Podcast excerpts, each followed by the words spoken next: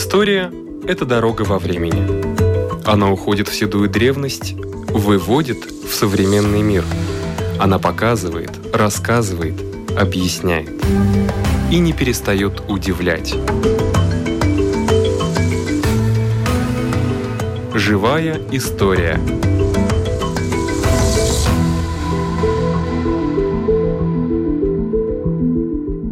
У микрофона Лидия Чера.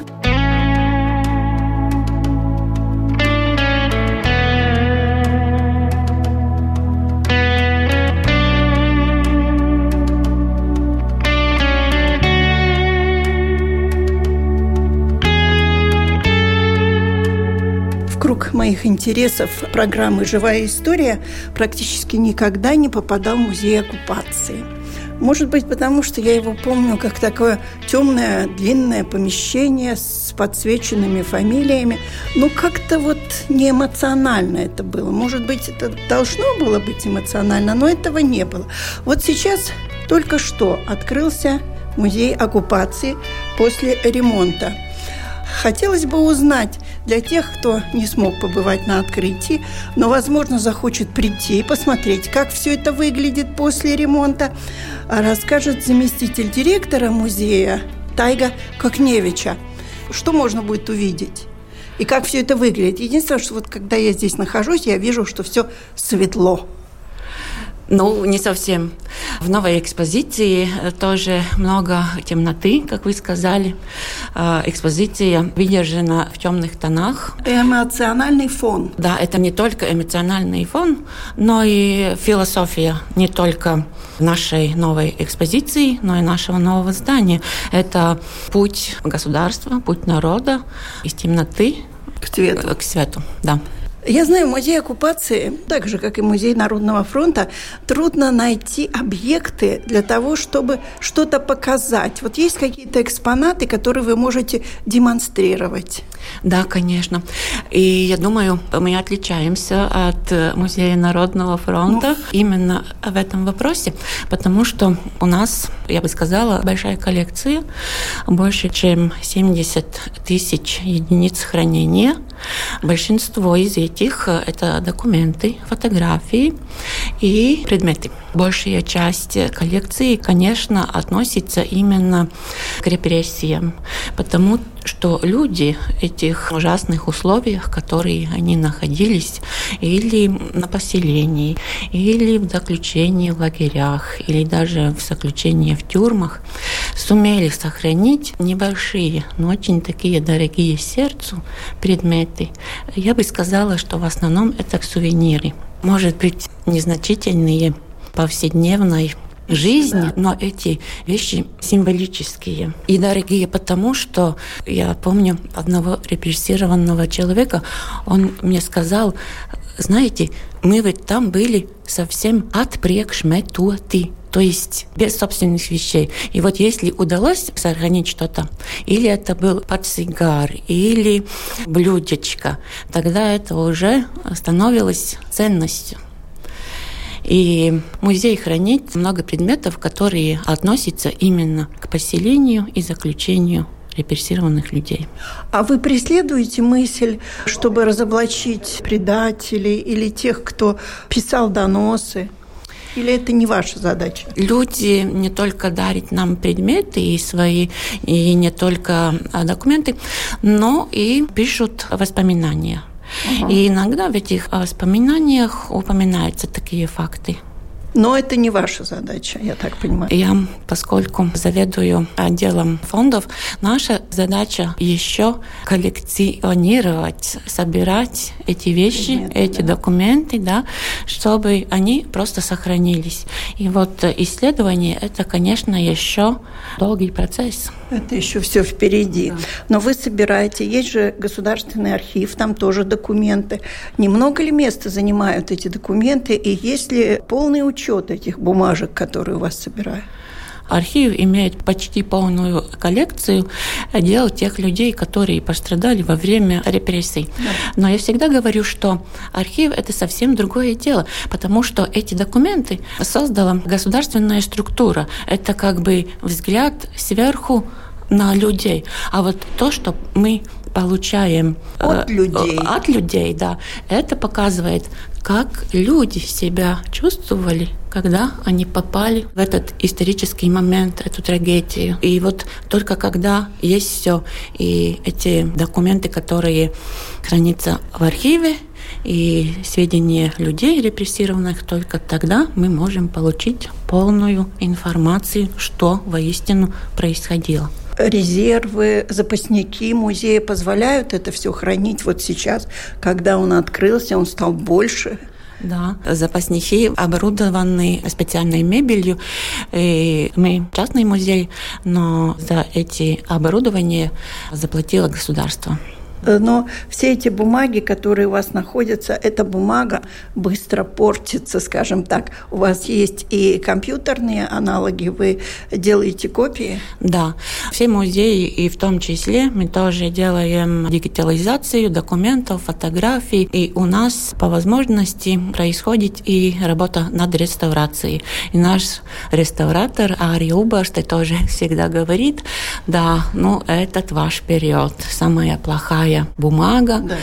Самые плохие чернилы. Ну, это вот э, военное время, да. послевоенное, это экономическая ситуация очень плохая, конечно, да, и вот имеются такие документы, которые как бы используются дважды. На одной стороне лист бумага, какой-то текст напечатанный, а вторая сторона бумажки используется, чтобы рукой написать какую-то справку, и там поставили штамп, и документ вот такой. Да, работы много и работа интересная, потому что все для истории нужно сохранить. Да, это вопрос, который, наверное, мучает всех музейных работников. И я хочу сказать, что по отношению к комплектации коллекции работает не один специалист, и даже не все специалисты отдела фондов. А создана специальная комиссия, которая пересматривает угу. периодически, что предлагается на подарок фонду музея и утверждает эти подарки как хозяйка фондов, скажите, у вас есть такие более дорогие, в смысле, не ценности, как там золото, серебро, а предметы для вас? Да.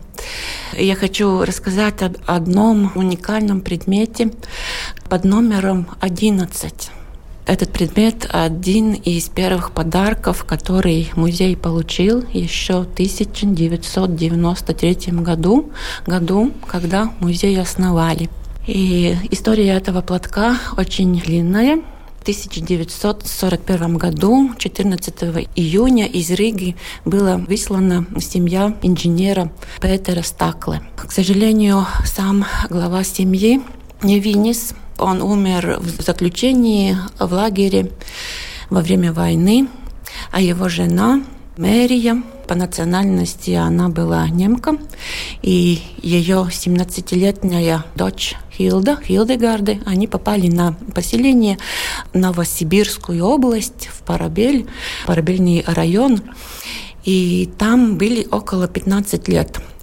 Мэрия Стакла была очень образованная женщина, и она стремилась как-то улучшить свои жизненные условия и добилась того, что она могла оставить со своей дочерью работу в колхозе и перебраться в районный центр. И там работала пианисткой в клубе.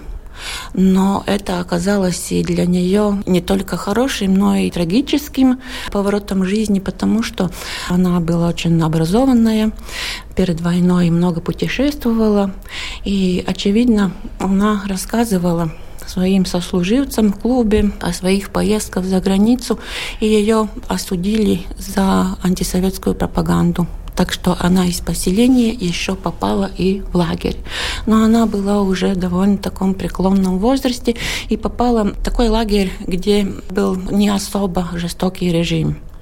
И вот она взяла свой платок и попросила, чтобы заключенные женщины, которые были с ней, подписались на этом платке.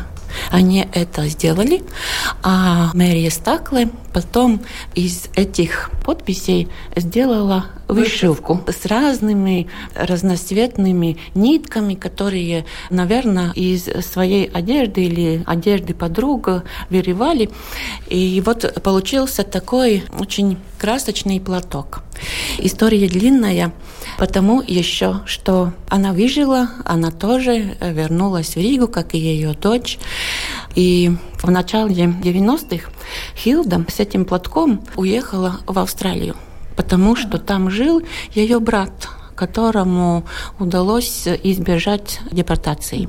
И вот в 1993 году она этот платок привезла из Австралии и подарила музею. Так что это почти кругосветное путешествие. Да. И что я хочу еще заметить, этот платок изображен здесь, возле музея, на мемориале жертвам советской оккупации. Там видны подписи этих женщин. И, наверное, не очень легко, но если можно прочитать, но можно прочитать да, там э, имена, фамилии латышские и русские, и еще написано монашки, которые а. таких, они не написали свои фамилии, но только что написали, что они монашки. И еще там есть такие буквы ЗК, это значит заключенная а, какая-то. Этот трепетные плат... у вас да, коллекции. Этот, да, этот платок был у нас и в старой экспозиции, и теперь он будет экспонирован и э, в этой новой обновленной. И люди все еще приносят что-то? Да, еще буквально эти последние месяцы мы тоже получаем подарки.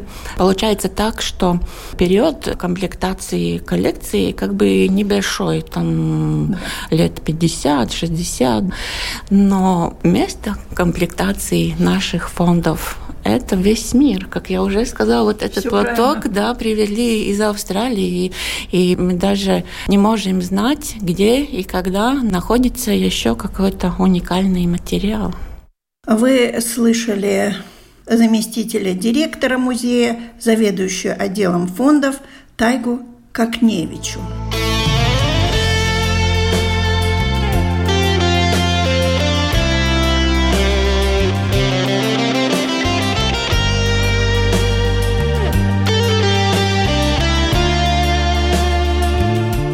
Зовут Лидия Чера. Моя программа называется «Живая история». А Вентес Красте, руководитель отдела экспозиций. Как устроена вся экспозиция музея? Сколько есть разделов? Экспозиция построена на 11 разделов и начинается с 18 года, когда организовали латвийскую государство. И заканчивается после 1991 года, когда латвийское государство восстановило независимость. И тоже рассказываем, что оставила оккупация э, латвийском государстве, земле и в народе.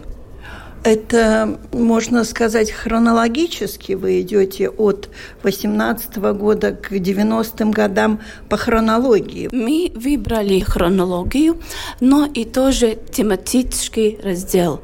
Вторая тема у нас заговор. Мы рассказываем о 1939 э, году, 23 августа, заключенном между социалистической Германией и Советским Союзом, заключенном пакте Молотова-Риббентропа, который разделил Европу на германскую советскую сфере влияние. И балтийские страны были советской сфере.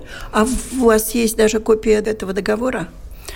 Копии договора, даже в России это секретные протоколы, впервые были опубликованы в 2019 году. И мы экспозиции показываем эти секретные протоколы. Угу. Следующий этап – Следующий этап Балтийские страны были в советском сфере и началась советская оккупация. И третья тема у нас первая советская оккупация 1940-1941 год.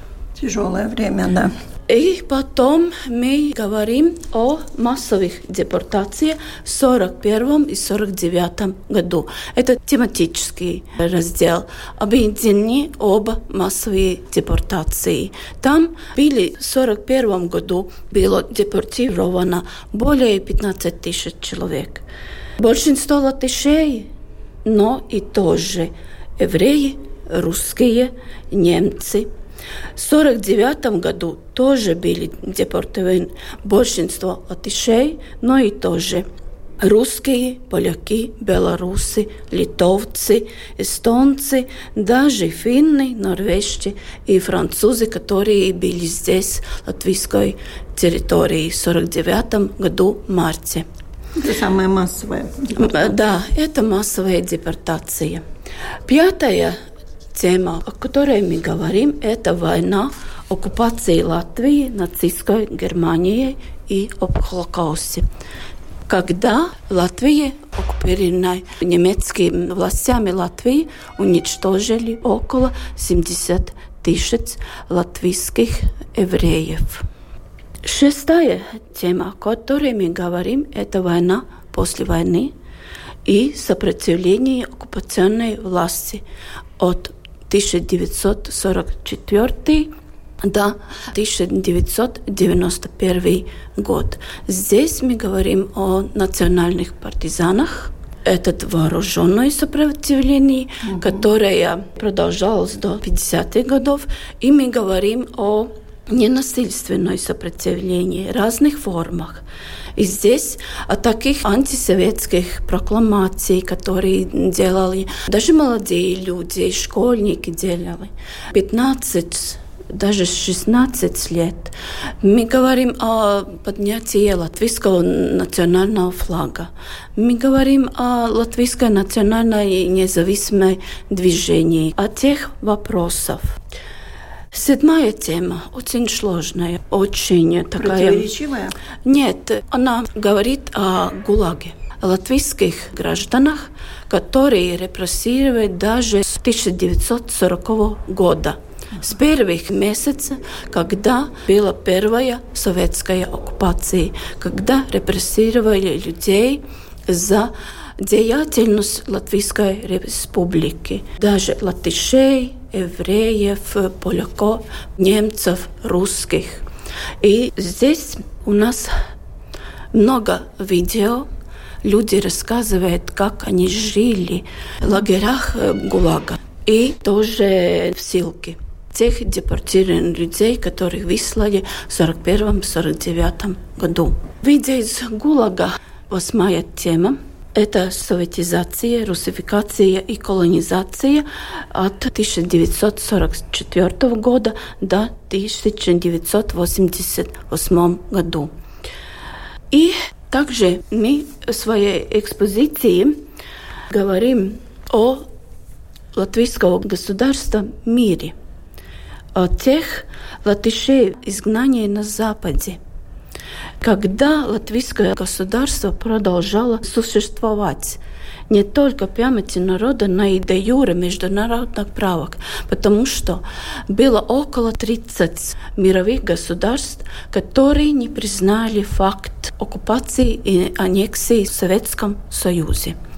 Это больше 100 тысяч жителей Латвии, которые оставили Латвию в 1944 году. Там были и те, кто немецкие власти увезли на работу в Германии, которые оставили Латвию тоже в начале 1945 году, когда приближалась вторая советская оккупация. Люди отставили. И десятая тема у нас от мода, от, так и говорит. От, от возрождение. Мода. Возрождение. 1945 год и до независимости 1991 года 21 августа. И одиннадцатая тема, когда мы говорим, что оставили оккупации, оба оккупации, оккупации Германии и Советского Союза, изменение населения изменение численного состава, да. проблема граждане граждан, проблема российской армии, которая только вышла из Латвии в 1994 году. И много оставила здесь. Да, да не только наследство, которое на полигонах еще до сих пор валяется и зарастает землей, э, но и людей оставили очень много. Да. И говорим и тоже о картотеке КГБ. Это да. проблема, и об этом вопросе тоже. Да, сложные темы вам приходится решать. Но, в принципе, я так понимаю, что история нынче, как урок даже, он дает информацию, а выводы делаете сами. Да, мы показываем историю. И многие посетители у нас из-за рубежа, которые впервые да. сталкиваются, познавают эту тему. И, и много они не знают. И много не знают. И наши тоже, жители Латвии, школьники приходят да. узнавать историю, узнавать как, и делают выводы. Спасибо и поздравляю вас с открытием музея. Большое спасибо вам. И мне дали в руки листовку, о которой теперешние наши люди и не знают, что это такое, наверное. Обращение к жителям Латвии. Вы все видите и испытываете антинародную политику коммунизма. Все вы стонете под его ермом и желаете, чтобы это ермо упало. Но вы ничего не делаете, чтобы ускорить падение рабских оков и добиться настоящей свободной жизни. Друзья, ничто само не падает, все нужно свергнуть. Наши предки по ошибке строили коммунизм. Мы же должны исправить эту ошибку, уничтожить построенную на обмане и произволе. Для этого нужны единство и дружба в народе. Объединяйтесь. А кто написал вот эту листовку? В каком году? Это сделана листовка 1940-х годов. И это сделали юноши в Латгалии. Два братья, которые по национальности были белорусы, один из братьев сделал из резины такие штампики, бук, отпечаток. И они печатали и сами сделали эти антисоветские листовки. Была антисоветская группа из молодых людей, около 19-20 месяц, и они приготовили такие листовки. У микрофона была руководитель отдела экспозиций Ая Вентескрасте.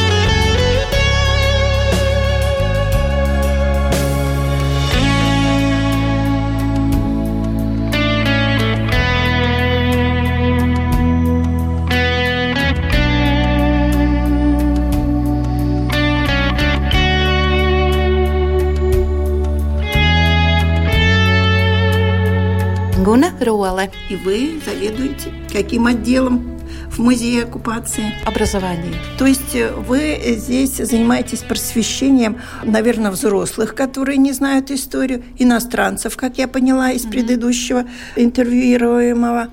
И вас больше школьники интересуют? Да, да. Мы занимаемся школьниками и специально делаем для них программы.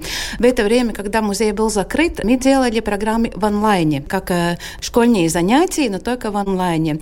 И это было очень популярно, особенно последние занятия, которые называются «Война в Украине и пропаганда».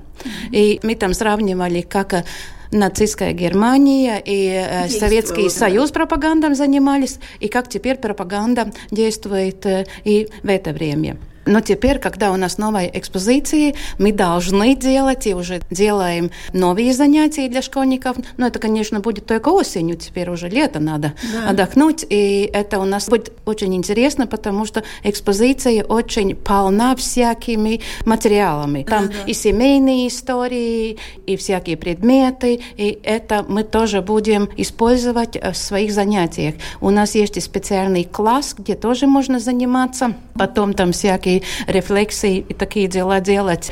Но это очень такой большой вызов для нас в это время это все новое делать. Но вообще я скажу, что довольно сложно преподавать историю. Каждый раз другие требования, другие методики. Вот, например, историю, насколько даже уже лет 10 назад у меня был тоже курс по истории, и тогда мне одна историк, уважаемая историк, сказала, что нельзя давать вот, что история вот так, вот это черное, вот это белое. Вы даете информацию, а школьники должны сами решить, что черное и что белое.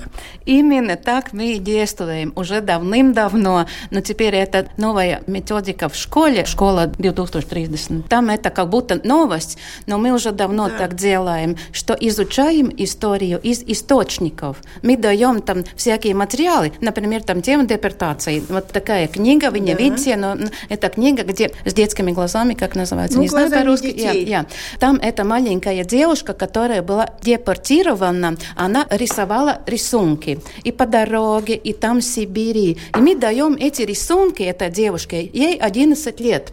И школьники это изучают ну, они vienaudži. И они понимают, как это ровесник, как эта девушка видит этими глазами, как они там ехали и не дали пописать нормально. Ну, там ужас. Она все это рисует. И потом у этой женщины, когда она уже вернулась и взрослая, и теперь уже старая, и она дала нам интервью музею. И она теперь рассказывает, как это было. И школьники, они смотрят этот рисунок, они читают или слушают это интервью, и они сами делают вывод, как там было, как было жить латышами, как местные относились к латышами. Они все это сами из этого материала выводы делает, да. как это было.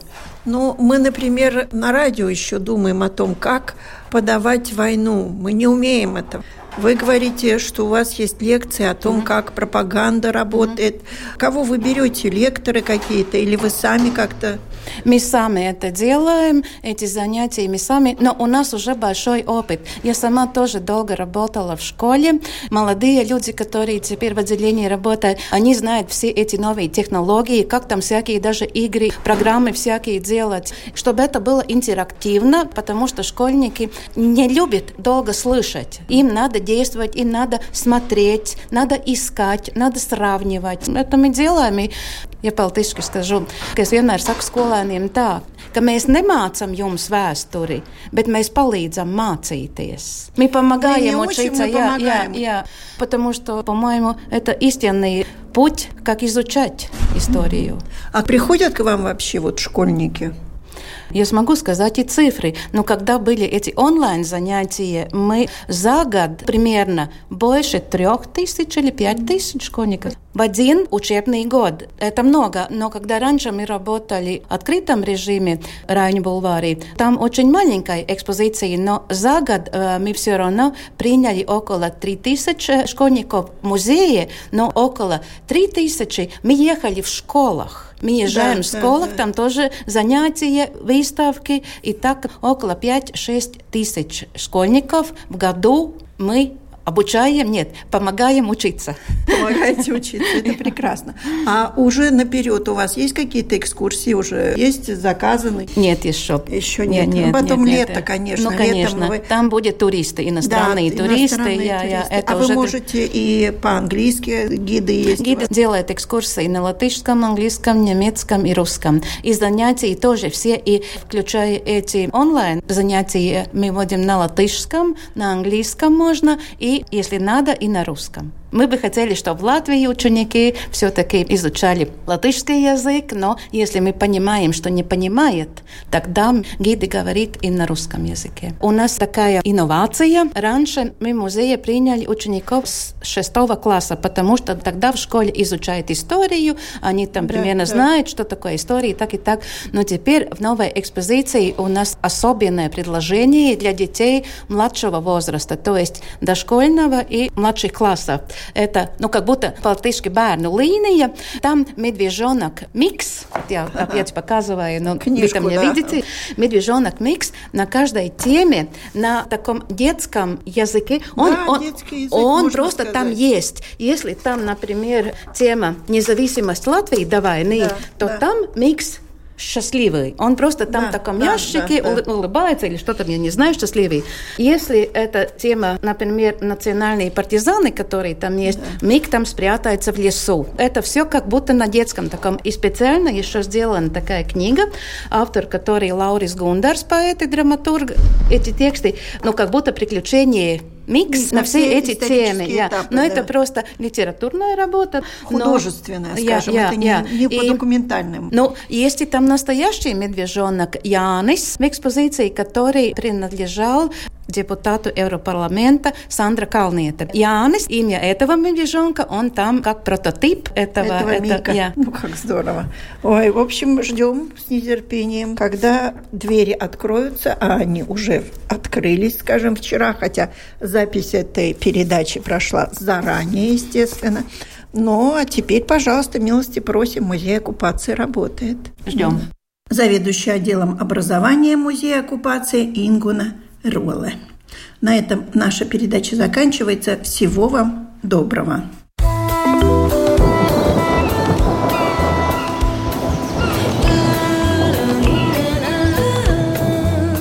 Латвийское радио 4 Валуксне на 100 и 5 FM.